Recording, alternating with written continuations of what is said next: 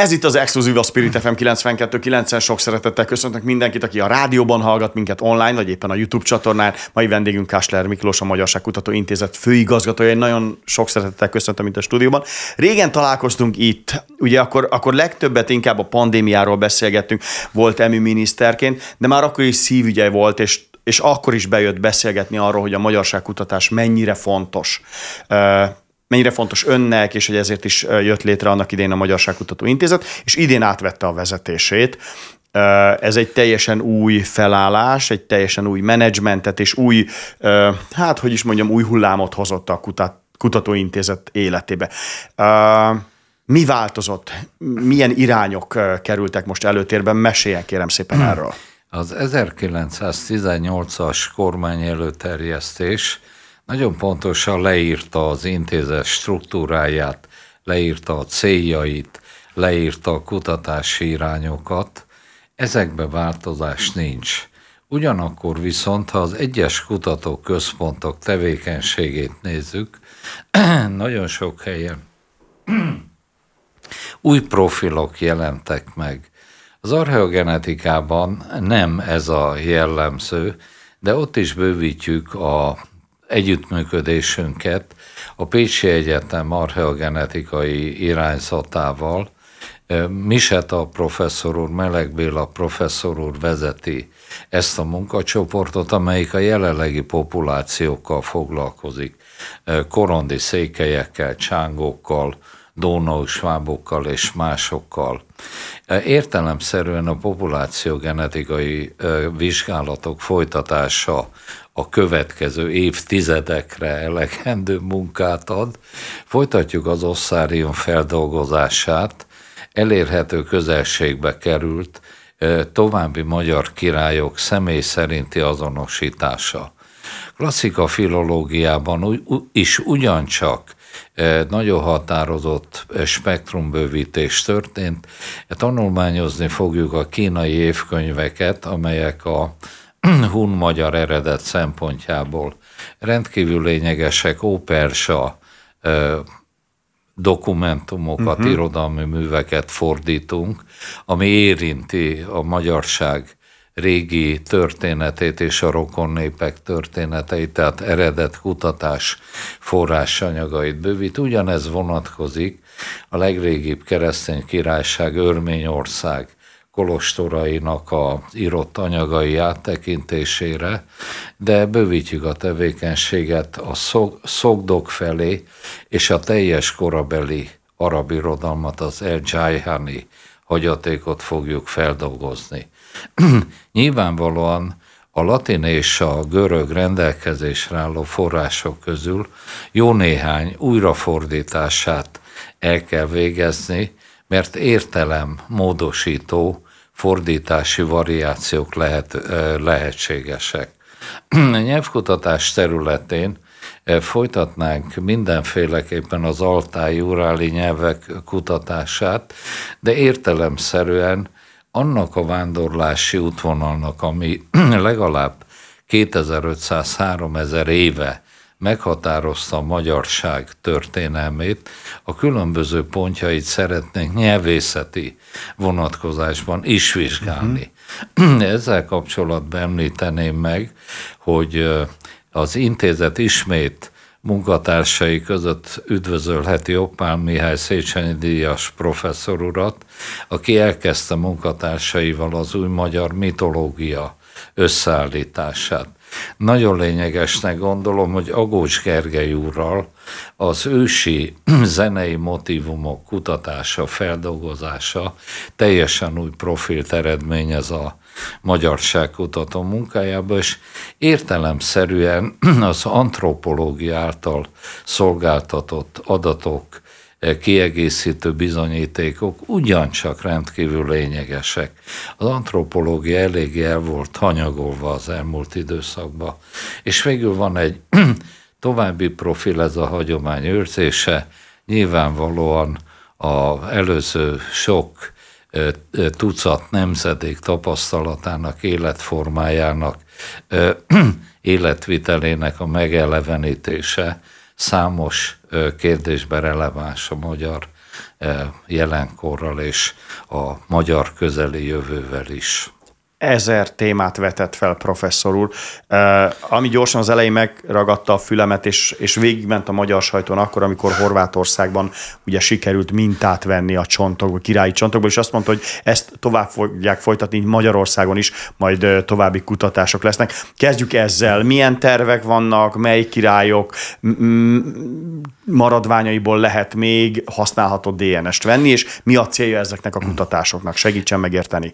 Talán még annyi annyit az előző kérdéshez Igen? hozzátennék, hogy az intézet gazdasági helyzetét is helyre kellett zökkenteni, a tudományos módszertant is át kellett vizsgálni, tehát az intézetet olyan pályára állítani, hogy az eredetileg is e, célkitűzés volt.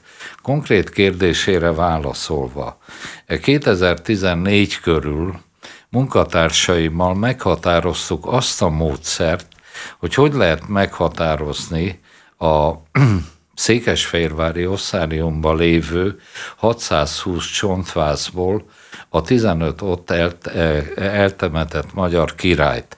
Azzal, hogy meghatároztuk harmadik Béla haploidját, az összes Árpád herceg és király csontvázát ki tudjuk válogatni a 620-ból. Személy szerint, hogy kiről van szó, azt vagy egy matematikai algoritmussal lehet kiszámítani, hogy hányadik nemzedékre helyezkedett el a családfán Igen. harmadik Bélától, vagy amilyennél sokkal pontosabb meghatározási lehetőség, hogy közvetlen közeli hozzátartozóknak a DNS szerkezetét határozzuk meg, akikről pontosan tudjuk, hogy közeli hozzátartozó, pontosan tudjuk, hogy hol volt eltemetve, és pontosan tudjuk azt, hogy a sírt nem bolygatták. Kilenc ilyen hely van Európában, Európa különböző országaiban. E, minden egyház megye püspökének, érsekének levelet írtam, Nápolytól Prágán keresztül Európa különböző országaig, hogy járuljanak hozzá, tegyék lehetővé a püspök atyák a mintavételt. Bocsánat, hogy szabadba itt magyar királyok, vagy rokonaik vannak eltemetve? A magyar királyok rokonai. Rokonai. Mondok egy, hát Igen? Hunyadi meghatározás az tökéletesen illusztrálja, hogy mi történik.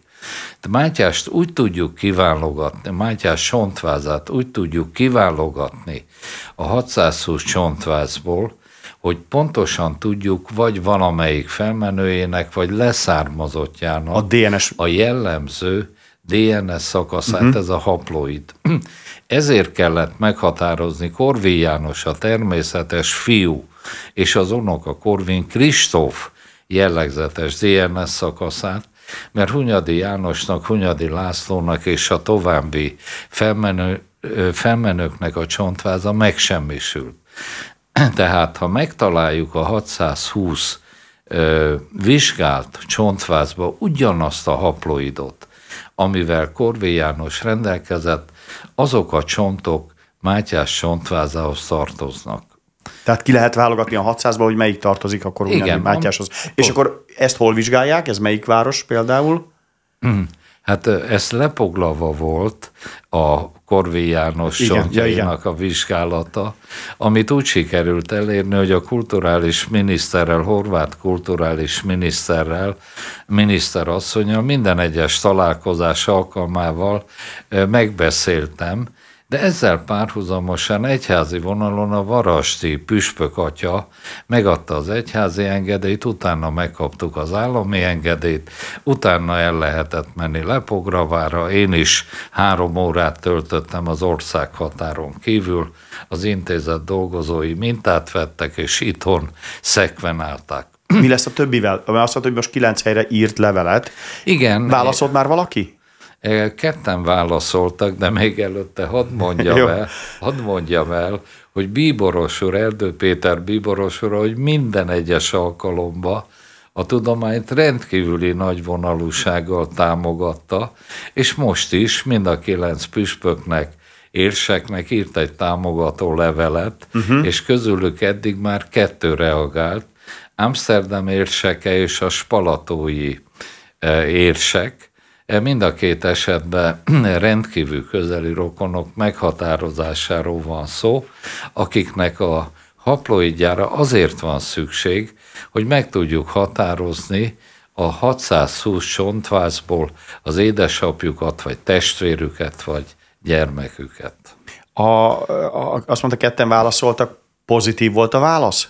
Igen, az egyik válasz azt tartalmazta, hogy a kérvényezett csontváz e vizsgálatát már elvégezték, ő az Amsterdami püspök, uh-huh. ennyit elmondhatok. Leideni Egyetem elvégezte a vizsgálatokat, és a diakónus jelen pillanatban a Leideni Egyetemmel tárgyal arról, hogy adja át nekünk az adatokat, hogy tudjuk használni. Értelemszerűen ez azt jelenteni, hogyha ebből tudományos közlemény születik, ugyanúgy a közlemény szerzői között ott lesznek az amsterdamiak is. De ez nem kisebbíti a magyar kutatók és magyar Természetesen nem, ez egy kidolgozott módszer, uh-huh. majdnem mindegy, hogy Amsterdamban vagy itthon Budapesten, vagy ne adja Isten Szegeden végzik el a vizsgálatot. És a másik válasz? A másik válasz, hogy folyamatban van az engedélyeztetés. És akkor még azt mondta, hogy kilenc helyre küldött, kettő válaszolt, akkor még hétre vár Igen, és azért. a további a lepoglalva, tehát három. Három, akkor már három megvan. Egy perfektuálódott, kettő folyamatban van, többit pedig várjuk. Akkor ez egy nagyon-nagyon-nagyon izgalmas rész lesz. Még mondja el, hogy ez a 600 csontvász Székesfehérváron milyen állapotban van, és hogy néz ez ki, hogy kell elképzelni? Mert nem, mondjuk azt, hogy ilyen halandó emberek nem jutnak be, de professzor úr már volt bent, ugye? Igen, hát egész életemet az élő és az élettelen emberi testek között töltöttem el. Azt tudom mondani, hogy mind a 620 csontvázból vett minta vizsgálata megtörtént. Uh-huh.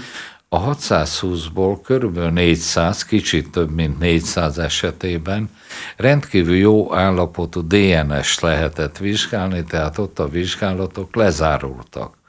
Körülbelül a vizsgált csontvázak egyharmadának a DNS-e erősen sérült volt, degradált állapotban van, a belőlük nyert adatok nem teljes mértékben pontosak. Éppen ezért ennek a két, körülbelül 200 mintának az ismételt vizsgálatára van szükség, egy újabb módszerrel, aminek a tesztelése jelen pillanatban zajlik. Pécsen fogják végezni majd? Nem, Szegeden végzik, Szeg... hát a Magyarságkutató végzi. A Magyarságkutatónak a Szegedi Egyetemen Egyetem, jó, igen. van egy laborja, de most az András út 64-be, központi épületbe kiépül egy második laboratórium is. Ez kifejezetten DNS mintákat fog elemezni ez, ez genetikai laboratórium. Genetikai laboratórium. Rendkívül magas minőségi színvonalú. Ez ugyanaz a vizsgálat lesz, amit eddig Szegeden végeztek? E hasonló, igen, még egy kicsit korszerűbb. Mm, hagy kérdezzem meg, ilyenkor ugye ez leginkább gép függő, ehhez valamiféle eszköz Eszközök, kell. műszerek. Műszerek igen. kellenek, ezek nagyon drágák. Hát ez relatív. Nem, hogy főigazgató úrnak kell megvásárolni, gondolom, ő írja alá, csak kérdezem, hogy ez... A katonai drónokhoz vagy repülőkhöz képest Olcsó. elenyésző Jó. az összeg. A, mikor kezd el működni ez a genetikai labor, és mikor a várhatók eredmények? Meg, hogy mit tervez most professzor? Megérkezett egy rendkívül nagy teljesítményű kompjúter, ami sok milliárd eh, genetikai adat tárolására feldolgozására alkalmas. A beszereléstől függ, hogy mikor lehet elindítani. Ez folyamatban van Az most? érintett cég azzal biztatott bennünket, hogy januárban uh-huh. üzembe tudjuk állítani ezt a gépet, amire én azt mondtam, hogy október eleje.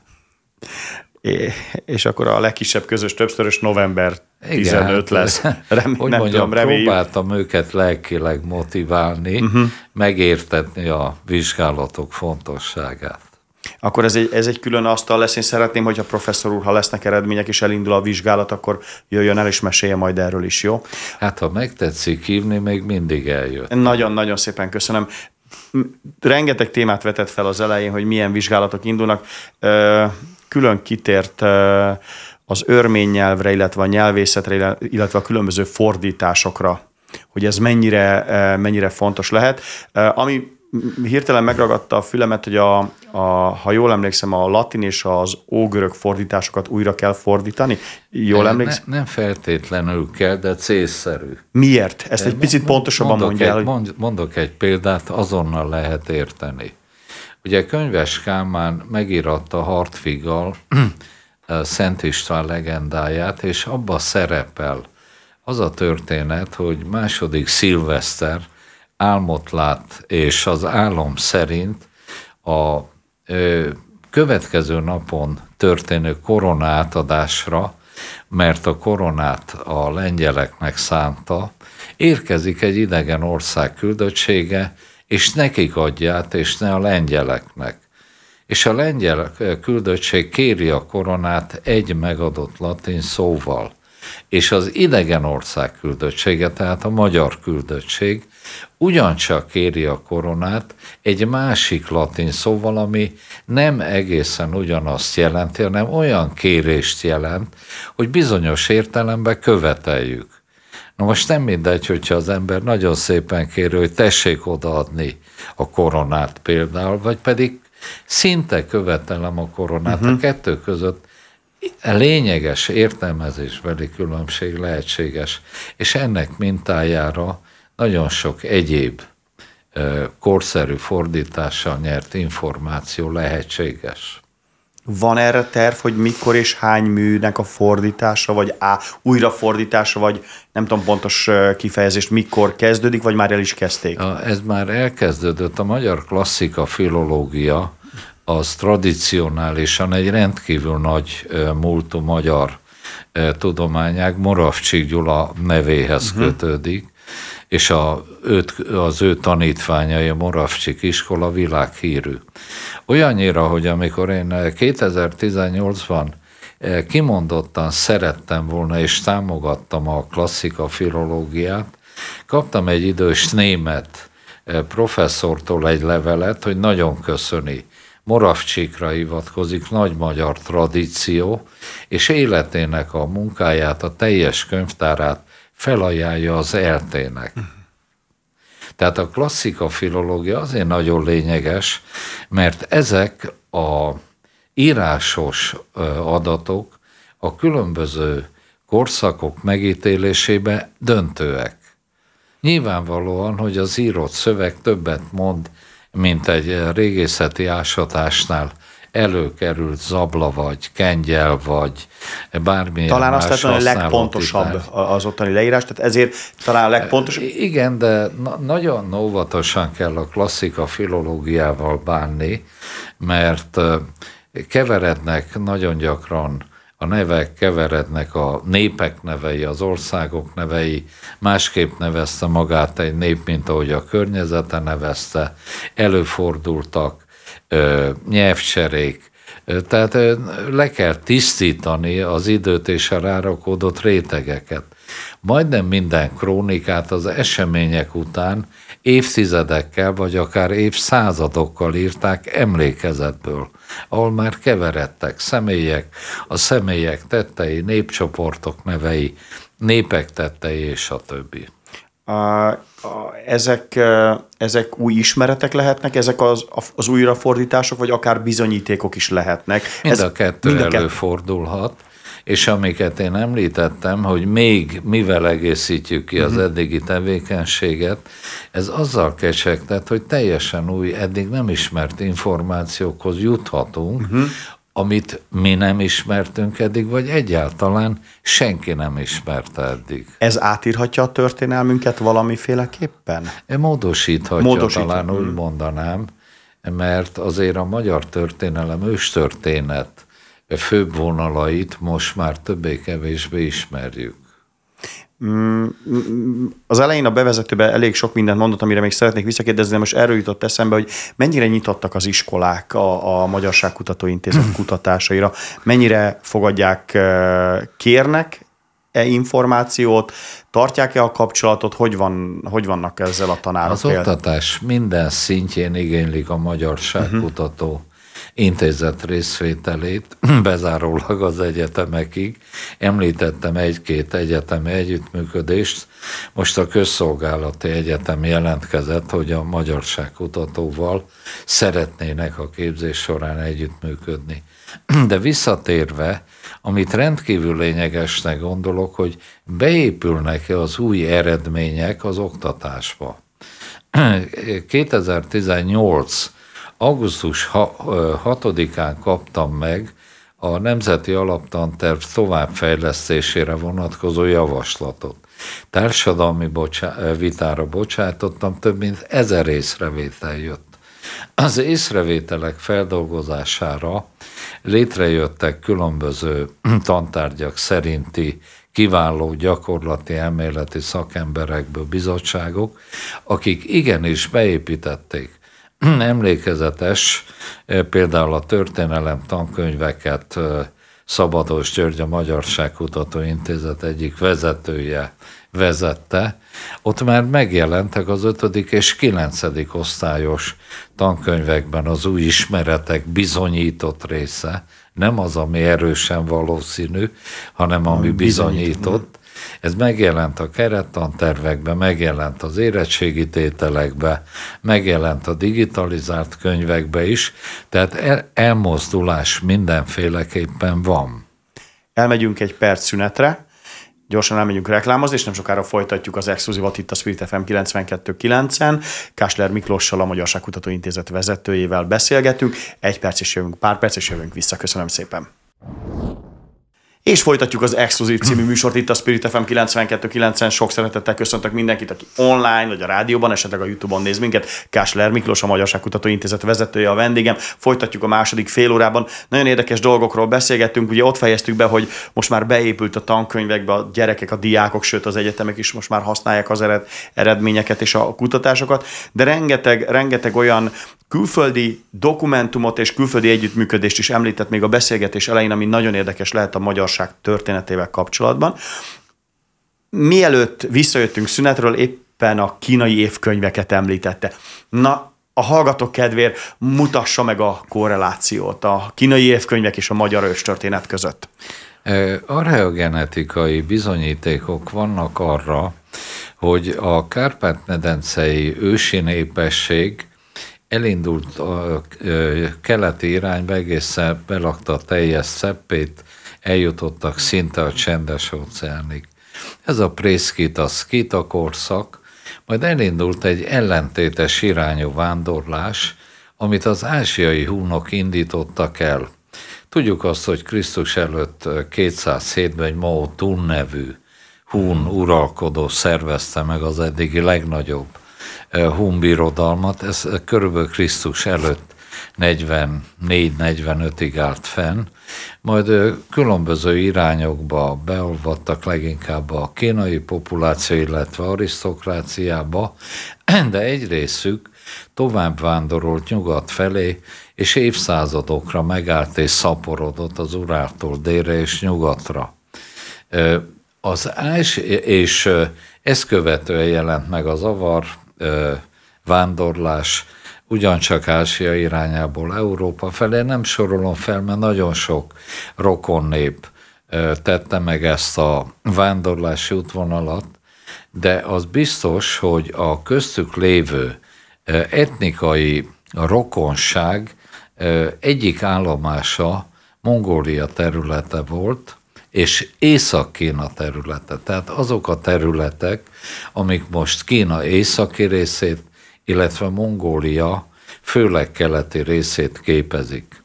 A kínai, kínaiak évkönyveket vezettek, minden évben leírták azt, hogy mi történt. Ez nagyon hasonló a nyugat-európai évkönyvekhez, például az Altájhi uh-huh. német évkönyvekhez, annalészekhez. Uh-huh. Tehát az, hogy megismerjük, hogy a kínaiak mit írtak az ázsiai hónokról, az a mi szempontokból a magyarság eredet kutatása szempontjából nagyon lényeges. A László Gyula Kutatóintézettel Szabados tanár úr igazgatása alatt álló intézetbe sikerült egy legalább öt évtizede ezzel a témával foglalkozó kínai tudóst és magyar feleségét meghívni, tehát ezzel be tudjuk kapcsolni ezt a témát is az eredet kutatásba, de említeném Bakai Kornél professzort, aki megírta ezzel kapcsolatban a saját forrásgyűjtését. Hát ezt eddig a magyarságkutató még nem adta ki, de ki fogjuk adni olyan rövid időn belül, ahogy erre megvan a pénzügyi fedezet.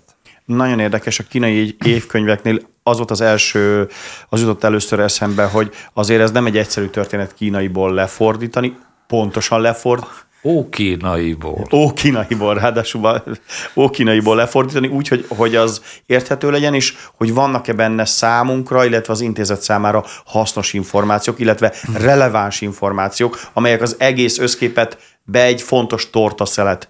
Jól kérdezem? E, így van. A magyarság etnikailag is nagyon sok gyökerű nép, de amit felsoroltam, ezt a négy-öt ezer éves folyamatot, ott ez a szál, ez a genetikai uh-huh. szál, etnikai folytonosság mindenképpen fennáll, ami nem jelenti azt, hogy más kapcsolataink ne lettek volna etnikailag is. Nyelvileg meg különösképpen, mert a nyelv nem annyira stabil, mint például a zenei motivumok. Tehát amikor azt mondtam, hogy Agócs Gergely úr az ősi zene kutatási anyagait és a további munkáját az intézet profiljába beemelte, rendkívüli jelentőségű. A, a zenéről is beszélünk még, személyes élményemet hagy mondjam el. A korábbi mongol nagykövet vendégem volt, illetve interjúztunk vele, és ő rettentően büszkén mondta, hogy amikor eljött Magyarországra egyetemre, és megtanult magyarul, akkor tucatjával talált olyan szavakat, amelyik a mongolban is ugyanazok a szavak. Ha jól emlékszem, a sárga, a barna, a felhő, tehát olyan szavak, amelyeket 5000 évvel ezelőtt is kellett használni. Ez ez mutathat kapcsolatot, vagy, vagy most elvittem nagyon, nagyon felszínes irányba a dolgot? Nem szabad túlhangsúlyozni, nyilvánvalóan kapcsolat volt, de számos néppel voltak nyelvi kapcsolatok. Nyelvi kapcsolat. Uh-huh. Tehát a nyelv eredetének a összehasonlítása más népekével az rendkívül komplex. Például a Nyelvkutató Központ most azon dolgozik, hogy mivel mindig arról hallottunk, hogy hány szót vettünk át a szomszédainktól, távoli népektől. Így van. Ők most összeállítják azt, hogy tőlünk mennyit vettek át a szomszédos népek, illetve az archeogenetika és a ősi zene által meghatározott vándorlási útvonalon elhelyezkedő mai népek. Tud ilyen szavakat mondani, amit tőlünk vettek át? Nem akarok belemenni, mert jó, a, jó. A csak Arany János vagy 120 ezer szót használt. Hát jó lenne akkor a szókincsel bírni, de hát majd még dolgozom az ügyen, ugye az, az egyik legjobb módszer erre. Tessék sok, szorgoskodni. Olvasni kell sokat, Igen. ugye talán ez a legfontosabb. Igen.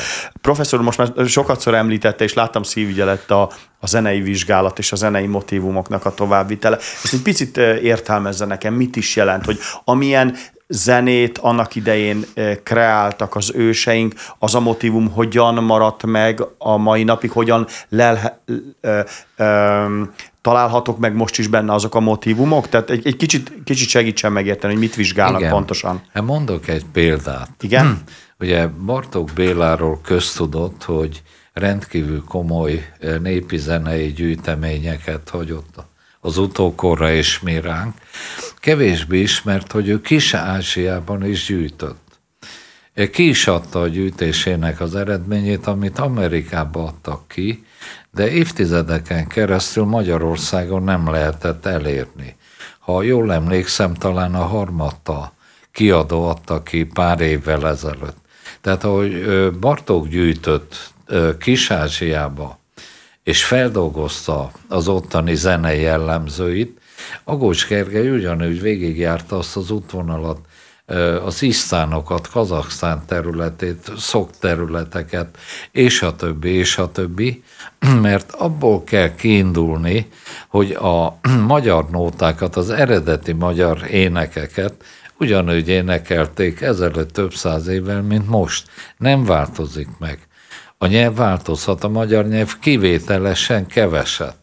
De például az angolok Shakespeare-t szótárokkal tudják olvasni, annyit változott a nyelvük.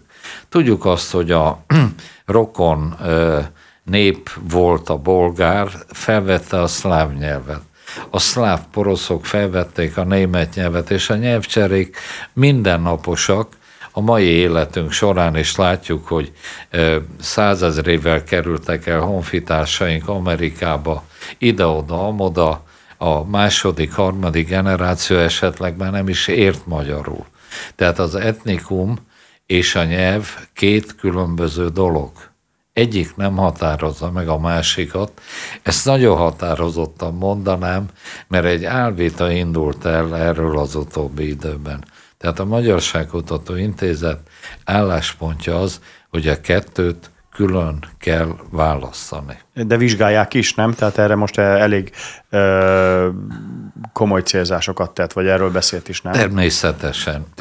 Ugye nagy probléma volt, hogy a nyelvészet tulajdonképpen az etnikai kérdéskört kisajátította, és a nyelvi eredetet, hmm. nyelvi rokonságot rávetítette az etnikaira. Nem szabad, hogy az archeogenetika ugyanebbe a hibába essen, fordítva. Tehát ha etnikailag rokonok vagyunk, akkor nyelvileg is nem feltétlenül van így hiszen nyelv ettől függetlenül változhatott, az előbb erre most elég, elég sok példát mondott. Beszéltünk a zenéről, az első fél órában megemlítette még rögtön az elején, hogy most nagyon nagy hangsúlyt fektetnek a különböző nyelvek vizsgálatára, illetve fordításokra. Megemlítette az örmény nyelvet, hogy ott is lehetnek bizonyítékok. És ott emlékek lehetnek. Emlékek. Segítsen megérteni, mire gondol. Hát az örmény királyság visszamegy egészen az ókorig. Hát ha már itt tartunk, akkor mondhatom azt, hogy Rómával álltak harcba, pártoszokkal álltak harcba, neveket ismerünk, ütközeteket ismerünk, írásbeliségük volt, és főleg András apostol térítése révén Krisztus után már 300 körül keresztény királyságról beszélünk. Hmm harmadik Béla feleség Antióhia Anna örmény királylány volt. Az örmény királyi család a bizánci császárokkal házasodott. Második András anyai ágon örmény király leszármazott Európa nagyura volt. A keresztes hadjárata során mindenki házassági szerződésekre akart, szövetségekre akart lépni, még az akkori török szultán, így fejezem ki magam nagyon egyszerűen. Bizarr lett volna, hogyha bekerül a, a szultán családjába egy magyar feleség, vagy nehogy Isten, akár Imre hercegnek, vagy negyedik Bélának, Kálmának, vagy András fiainak török lett volna a felesége, de félretéve ezt a megjegyzést, az örmények az örmény kolostorokba hasonlóan, mint ahogy a kínai évkönyveket, vagy a nyugat-európai évkönyveket vezették, nagyon sok mindent lejegyeztek. Ezek megmaradtak, mint ahogy a kolostori könyvtárak általában megmaradnak. A Szovjetunió megalakulása után a könyvtárak teljes anyagát összeszedték, egy részét megsemmisítették, de a másik részét egy központi helyen központi könyvtárba helyezték el. Ezt pontosan tudjuk, hogy hol van, pontosan tudjuk, hogy mit tartalmaz. És legnagyobb részben digitalizálva is van.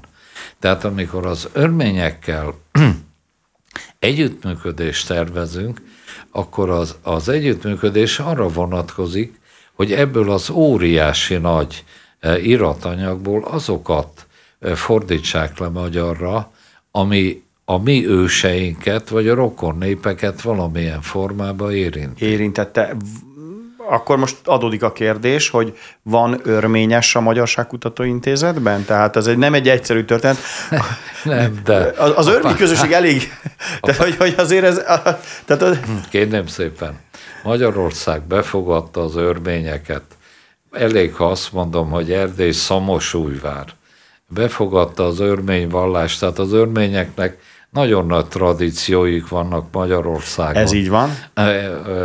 Erdély utolsó kormánybiztosa Apáti István volt, Vajda Hunyad, Hunyad megye utolsó kormánybiztosa Isek utcót az az Isek utca, akinek az édes testvére a legnagyobb magyar gyógyszerész professzor lett az örmény papok itt élnek Magyarországon, az örmény egyház létezik. Tudnak olvasni örményül, le tudják fordítani magyarra. Jó. És nagyon szívesen megteszik. A megteszik, legifjabb, meg, legifjabb, erről már tárgyalt professzor úr velük? Természetesen. A legifjabb Isek utca Honvéd Kórház orvos igazgatója, ő, ő képviseli Magyarországon az örmény származásúakat, többször beszéltem vele, és megbeszéltük, mindez lehetséges. Semmi miniszterelnök helyettes úr, amikor legutoljára kijárt Örményországba pár hónapja, az állami szervekkel beszélte végig. Hát eh, nekünk ezeken a, a lehetőségeken kell elindulni. Ez eléggé megnyugtató, tehát hogy akkor a, tulajdonképpen itt is lehetnek olyan bizonyítékok, olyan információk, amelyek segítik a Magyarságkutató Intézet munkáját. De akkor még megemlítette a perzsát, Iránnal való együttműködést, a perzsa nyelvet, bocsánat, illetve az arab ö, nyelv vizsgálatát is. Ez a kettő hogyan kerül képben a magyarságkutatás hát, ö, őstörténeti kutatásaiba? Még az előző kérdésre mondanám, hogy a Pázmány Péter Tudományegyetemen van egy örmény tanszék kiváló tanszékvezetője van, aki épp most csinálta meg a nagy doktori értekezését valamelyik német egyetemen, talán a Lipcsein. Ő mindenképp kult személy ebben az uh-huh. együttműködésben. Az arabok esetében, arab irodalmi hagyatékok esetében az a szerencsés körülmény áll fenn, hogy Szegeden az Orvos Egyetemen évfolyam társam volt Ormos István kitűnő tanulóként ott hagyta az orvos egyetemet, és Germános Gyula tanítványává, majd méltó követőjévé vált, aki egy nagy, nagy doktori értekezés oponenseként feldolgozta a Csájháni hagyatékot, amit uh-huh. ő és a követői írtak meg arról a korról, ami körülbelül megfelel Árpád bejövetelének, illetve a környékét. Tehát plusz-minusz 100, 150 éves viszonyokat írja le. Tehát ilyen lehetőségeket próbálunk összegyűjteni és felhasználni.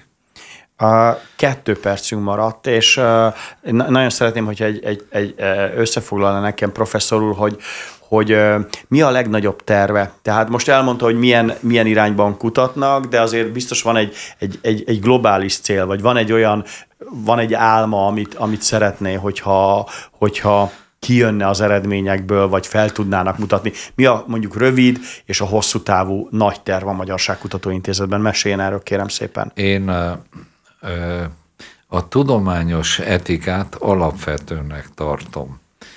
Teljesen függetlenül az eredménytől semmiféle prékoncepciót nem tűrök uh-huh. el.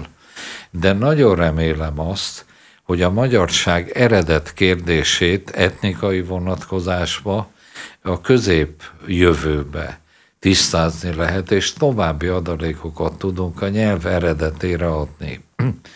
Nagyon remélem azt, hogy fel lehet építeni addig a szintig, amíg ez a legkülönbözőbb szempontok figyelembevételével lehetséges a Székesfehérvári bazilikát, és az ott eltemetett nagy és szent királyainkat ismételten oda lehessen eltemetni, ahol ők nyugodni akartak. És nagyon remélem azt, hogy az archeogenetika, a klasszika filológia és a többi tudományák együttműködésének a gyümölcsét be lehet építeni a közoktatásba uh-huh. is, és be lehet építeni a felsőfokú képzés legkülönbözőbb formáiba is nagyon komoly tervek, és biztos, hogy beszámolunk még róla. Beszélgettünk a kollégáival is, itt, hiszen ne felejtsük el, hogy az Eredet című műsor itt megy a Spirit fm és nagy szeretettel várom én is professzor urat ide a stúdióba, beszéljünk róla. Azt hiszem, hogy időről időre lesz olyan téma, ami felvetődik, olyan mondjuk azt én úgy fogalmaznék, hogy bizonyíték, professzor úr úgy mondaná, hogy új ismeret, de amely, amely abba az irányba mutat, amit kutatnak és, és szeretnének elérni. Jó? Szeretettel várjuk professzor úr. Ez volt a Spirit fm a az exkluzív. Köszönöm mindenkinek a figyelmet, hallgassák tovább a rádiót, illetve nézzenek minket a YouTube-on. Kásler Miklós, a Magyarság Kutató Intézet vezetője. Köszönöm szépen, hogy itt volt velünk. Köszönöm szépen.